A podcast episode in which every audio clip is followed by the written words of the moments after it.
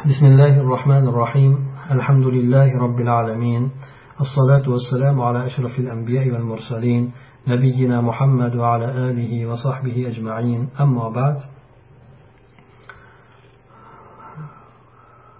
fiql aqalliyot ya'ni kamchilikni tashkil etadigan musulmonlarni holatlariga bog'liq bo'lgan masalalar kitobidan boshlagan darsimizni bugun ikkinchisi ekan Bunda bu kitobga muqaddima bergan odamni so'zlarini o'qib e, o'tayotgan edik. Hamda kelib to'xtagan joyimiz o'sha e, al bi degan iboradan ekan. Bu kishi aytadiki ishtihod haqida gapirib o'tadi biroz. Ishtihod o'zini umumiy bo'lgan tushunchasi bilan ishtihod degani shar'iy bo'lgan nasni ya'ni bu shar'iy bo'lgan nas deganimiz qur'oni sunnatdagi bo'lgan hukm manbasi hisoblanadi. Qur'oni sunnatda kelgan hukmni manbasi dalillar o'sha narsani voqega tushirishlikka harakat qilishlik. Hamda odamlarni o'sha nas ibora sababli hukm sababli yurish turishlarini ham to'g'rilashlik ularni muomalalarini ham to'g'irlab qo'yishlik. Mana shu narsa demak e, ishtihod deb aytilar ekan. Ya'ni ishtihodni ma'nosini anglatar ekan. Buni ishtihodni maydoni maydoni esa doimo mukallaf bo'lgan odam hamda mukallaf bo'lgan odamni qiladigan ishi mana shu atrofida bo'lar ekan. Bu avvalo talab qiladigan narsasi o'sha nasni tushunishlikdan keyin qur'on hadis iborasini tushunishlikdan keyin hop insonni voqeligiga qarashlik hamda unga baho berishlik kerak bo'ladi shuni talab etadi. Demak bu yerda iborani tushundik. Nimani anglashligini bildik. Ana undan keyin insonni o'sha biz izlanayotgan hukmni tushirishlikka harakat qilayotgan insonni holatini nazarda tashlaymiz ekan. Insonni holatiga baho beramiz ekan. Qanday holatda turibdi? Albatta bu narsa o'sha narsaga nazar qilishlik asnosida bo'ladi. Hamda uni insoniy voqelikni ostida qanday nozil qilishlik mana shu narsalarga qarashlik bilan bo'ladi. Ya'ni birdaniga nasni olib kelib turib insonni holatiga qaramasdan mana shunday tashlab berilmaydi balki nasni ham o'rganiladi insonni holatini ham o'rganiladi. Ana undan keyin bu aytilayotgan ibora e, o'sha odamni qanday bo'lgan holatiga tushadi ana o'sha holatini keyin yana keyin barobar aytiladi. Misol tariqasida aytadigan bo'lsak masalan namozni tika turib o'qishlik farz hisoblanadi. Farz namozlarda farz hisoblanadi. Endi bu odamni kasal bu odam bu odamga aytmaylik yo'q namozni tika turib o'qishlik farz ekan shunday o'qishingiz kerak degan narsani aytilmaydi.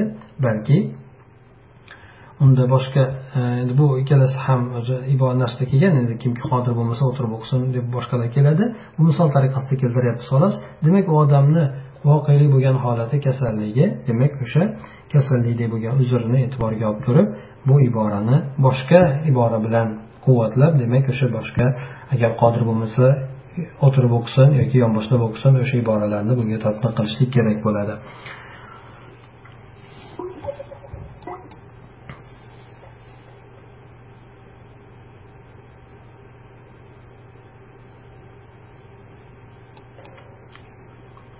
ho'p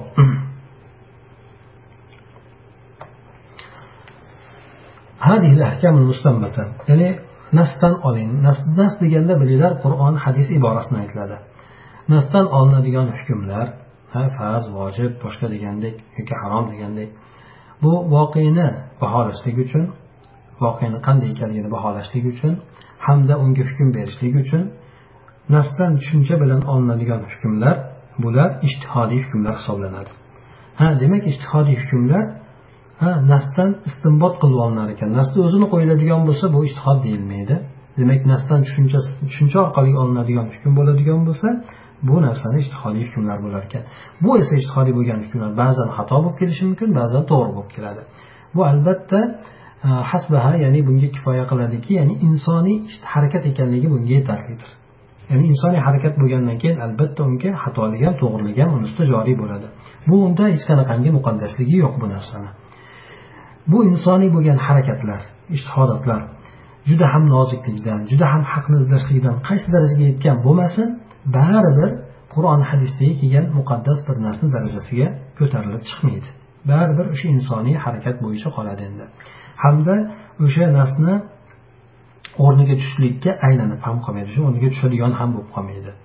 Bu yana shu uchun bir me'yor miqyos ham bo'lib qolmaydi. Demak hiya hukmun mustanbatun yuayaru demak ishtihodotlar bular istinbot qilib olinadigan hukm ekan.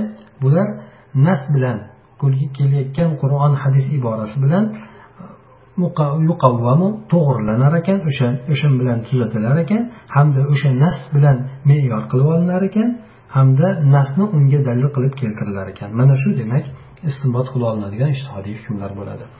Ba'zan aytamiz deydi hukmni juda ham nozik suratda tekshirishlik juda ham tagigacha yetib borishlik hamda e, uni juda ham to'g'ri bo'lganligi muayyan bir asrda muayyan bir zamonda yigirmanchi asrmi o'n beshinchi asrmi qaysi bir asrda bo'lsa ham uni o'sha zamonga tushganligi nihoyatda tekshirib borilganligi shu narsalarda. Lahu mushkilatuhu qadoyahu asrda o'ziga yarasha muammolari qattiq mushkulalari bo'lgan muammo masalalari bo'lgan. O'sha asrga to'g'ri keladigan bo'lsa yoki fi voqean muayyan asna tanzili alayhi yoki bo'lmasa muayyan bir voqelikda hm, uni to'g'ri o'sha hukm to'g'ri keladigan bo'lsa uni o'sha nozil qilishlik davrida o'sha hukmni voqega nozil qilishlik asnosida o'sha hukm rosa voqelikka tushadigan bo'lsa bu o'z o'zidan hamma o'sha o'zgarib turadigan voqelikka ham to'g'ri kelaveradi ekanligini anglatmaydi. Ya'ni yigirmanchi asrda yoki o'n to'qqizinchi asrda o'sha voqeligiga juda to'g'ri olimlar juda qattiq izlanib turib juda ham to'g'ri keladigan bir hukmni bir masalaga topishgan bo'lsa bu degani yigirmanchi asr yoki yigirma birinchi asr kelganda ayni o'sha hukm o'sha voqelik ya'ni e, voqeaga to'g'ri kelaveradi degan narsani anglatmaydi. Chunki hamma davrni o'zgarayotgan bo'lgandan keyin o'zgarishi hukmlari bo'ladi. Buni e, mahal voqe ya'ni voqelik mahal degan voqelik fiqhi bu hamma o'zini asoslari bilan o'zini taqidot ya'ni o'zini chegaraliklari o'zini istitoatlari bilan toqatlari bilan bu ijtihodiy amaliyot rukunlaridan bittasi hisoblanadi. Ya'ni voqeni tushunishlik ijtihod qilishlik amaliyotlarini rukunidan bittasi hisoblanadi. Ya'ni albatta ijtihod qilayotgan odam nasni olish kerak nas tushunchasini olish kerak ikkinchi voqelikni tushunish kerak. O'sha bu rukunlarni hisoblanar ekan. Aytib o'tganimizdek demak voqega tushirishligini xohlayotgan nas borku o'shani tushunishligi yoniga o'sha nimani ham voqelikni ham o'zini tushunishligi kerak bo'lar ekan. Shu rukunlardan e, ishhod rukunlaridan biri hisoblanar ekan. Voqelik demak o'zgarib turadi. Holat almashib goh unday goh bunday bo'lib turadi. Bu esa o'z o'zidan ishtihodga yoki ishtihodiy bo'lgan hukmlarga qayta nazar tashlashlikni taqozo etadi. Bir davrda qilingan bo'lsa hattoki shu davrni o'zida qilingan bo'lsa ham bir yildan keyin u narsani qaytadan ko'rib chiqishlikka ba'zan hojat topiladi. Bunda hech qanaqangi zarar yo'q balki zarar aslida e, ziyon bo'ladigan zarar bo'ladigan narsa o'sha ijtihodiy bo'lgan hukmlarda holatlar qanchalik o'zgarmasin sharoitlar har qancha har xil bo'lib ketmasin baribir o'sha ijtihodiy bo'lgan hukmlarda mahkam turib olishlik bu narsada zarar bo'ladi. Mana shu bilan demak ijtihodiy hukmlar o'zini bir muammolarga yechim bo'lishligini e, yechim bo'lgandan keyin uni tadbiq qilishlik uni o'zini o'rnidan boshqaga tushirishlik o'zini o'rnidan boshqaga tadbiq qilishlik bu haqiqiy muammoga aylanib qoladi. Ya'ni bu yerda ishtihodiy hukmlar o'zi aslida muammoga yechim bo'lishi kerak edi. Lekin o'rnini noo'rin qo'llaganligi vaqtini noo'rin qo'llanganligi o'sha joyga tushmaganligi sababli u haqiqiy yana muammoni keltirib chiqaradi endi. Mana shu yerdan biz aytamizki deydi ishtihodiy bo'lgan ya'ni muayyan bir asrni muammolarini hal muolaja qilishlik uchun o'sha yetishlik uchun kelgan ishtihodiy hukmlardan ko'pi bu qolgan asrlar uchun mulzam emasdir. Ya'ni qolgan asrlarda ham ayni o'sha narsalarni tadbiq qilishlik shart degani emas. Agar o'sha muammolar o'zgarib boshqacha suratga kiradigan bo'lsa bu demak o'sha ishtihodatlar aksariyatida albatta tekshirib uni ixtibor qilib sanab tanlab ko'rishlik shunaqa narsalarga qobil bo'laveradi. Hamda o'shani voqega odamlar yashayotgan voqega qanchalik hozirda mos kelayotganligi bu narsaga ham nazar qilishlik kerak bo'ladi. Albatta qayta e, nazar tashlab o'sha e, zamon hamda makon chegarasidan xoli bo'lgan ya'ni oyat hadislar shundan xoli. O'shanday xoli bo'lgan e, asli nasni o'zidan olishlik kerak bo'ladi endi. Ya'ni ishtihodni o'zidan ishtihod olinmaydi balki o'sha nasni o'zidan voqelikka moslashadigan bir hukmni olishlik kerak bo'ladi. Va yana yana undan keyin voqeaga hamda holatga uni qanday tushirishlikka nazar qilishlik ham kerak bo'ladi e'tibor qilishlik ham kerak bo'ladi. Mana shu narsa biz e, sunan tatavvur deb biz aytayotgan mana bu narsa bu ijtimoiy bo'lgan taraqqiyot hamda shar'iy fiqh o'sha sunnatni qonunlaridan hisoblanadi endi. Shariat shariatni tushunishlik qonunlaridan hisoblanadi. Bu yerda shuning uchun fuqarolardan ko'pchiligi bitta o'zlarini hukmlarini ham e, zamonga qarab turib o'zgartirishgan boshqalarni hukmidan emas nafaqat balki o'zlarini hukmlarini ham bir paytda unday aytgan bo'lsa keyinchalik boshqacha aytgan. Umar roziyallohu anhu ham bir masalada ikki marta ikki xil hukm qiladi. O'shani e, birinchi hukm qilganda bir narsada hukm qilgan bo'lsa bir muddatdan keyin shunga o'xshagan masalada boshqacha hukm qiladi. O'shani so'rab o'tgan yili bunday qilgan edingiz deganda ha o'tgan yili biz o'shanday qilgandik lekin biz bu yil bunday qilyapmiz. Bu safar esa bunday hukm qilamiz deb aytganlar. Demak o'sha e, holatga qarab yoki voqelikka qarab e, zamonni ketishligiga qarab turib ba'zan ishtihodiy bo'lgan hukmlar o'zgarishligi bor ekan. Ana o'sha narsa demak ko'pchilik fuqarolarda shu narsalar bo'lgan. Mana bu narsalardan birisi imom shofiy ham e, bag'dodda bo'lgan davrlardagi ba'zi masalalar ishtihodiy bo'lgan masalalarga bir hukm bo'lgan bo'lsa misrga o'tgandan keyin ba'zi hukmlarni boshqacha fatvo berib o'zgartirganlar. O'sha sababini so'rashganda o'sha misrdagi bo'lgan holatni boshqacha ekanligi keskin farq qilishligini aytib o'tganlar. Bir odam demak o'zidagi bo'lgan hukm chiqarayotganini o'zgartiradigan bo'lsa albatta boshqalarni chiqargan hukmlari ham o'zgarishlikdan xoli bo'lmaydi. Bu yerda albatta zamon yoki makon o'zgargan paytda deydi. Ular uchun jadid demak ba'zilarini eski hamda hamda yangi fatvolari masalalari bo'lgan masalan imom shofiyni hisob qilib keltirilganda yoki bo'lmasa bular nususlarga xabardor bo'lgan paytda hamda yangi bir voqeliklardan bir xabardor bo'lgan paytda hop avvaldan bilmagan mana shunday bo'lgan paytlarda bularni demak o'zgartirishgan. Hop yoki bo'lmasa e, hukmni hikmatini uni nozik bo'lgan illatlarini anglab yetgan paytida o'xshash bo'lgan holatlarga uni tadbiq qilishlik E, ya'ni o'xshab bo'lgan holatlarga uni mos kelmasligi. Mana shu narsalarni anglab yetishgan paytlarida demak ular o'zgartirishgan ekan. Yoki bo'lmasa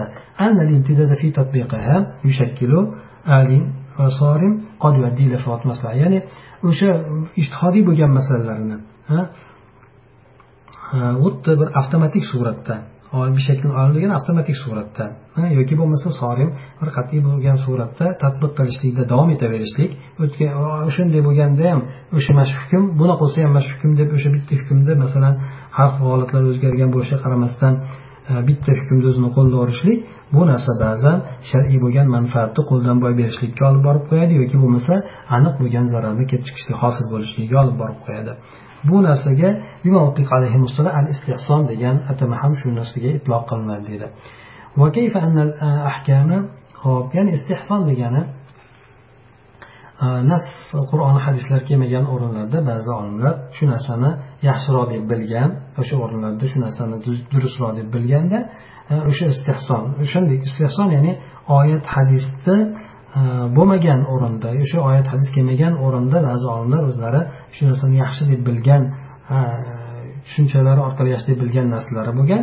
Ana o'sha narsa ba'zan yaxshi deb bilgan narsasi boshqa paytda yaxshi bo'lmasdan qolishi mumkin.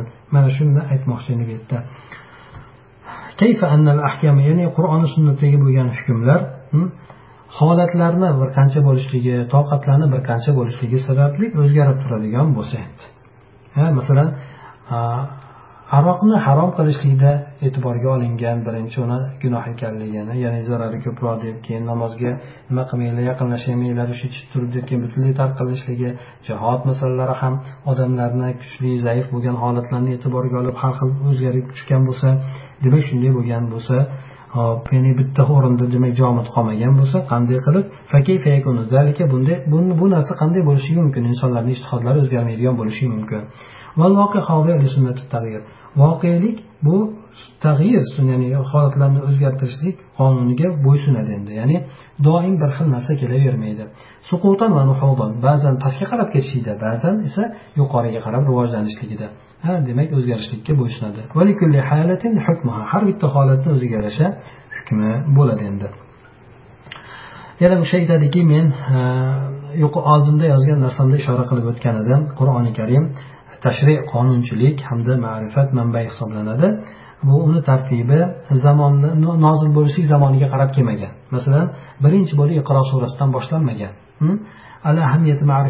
Ya'ni nozil bo'lishlik zamonlari sabablarini bilishlik muhimligiga qaramasdan endi. Ya'ni albatta qur'onni nozil bo'lishligi u nima sababdan nozil bo'lganligi oyatlar nima sababdan nozil bo'lganligi qachon nozil bo'lganligi bu narsani bilishlik o'ziga yarasha ahamiyatga ega.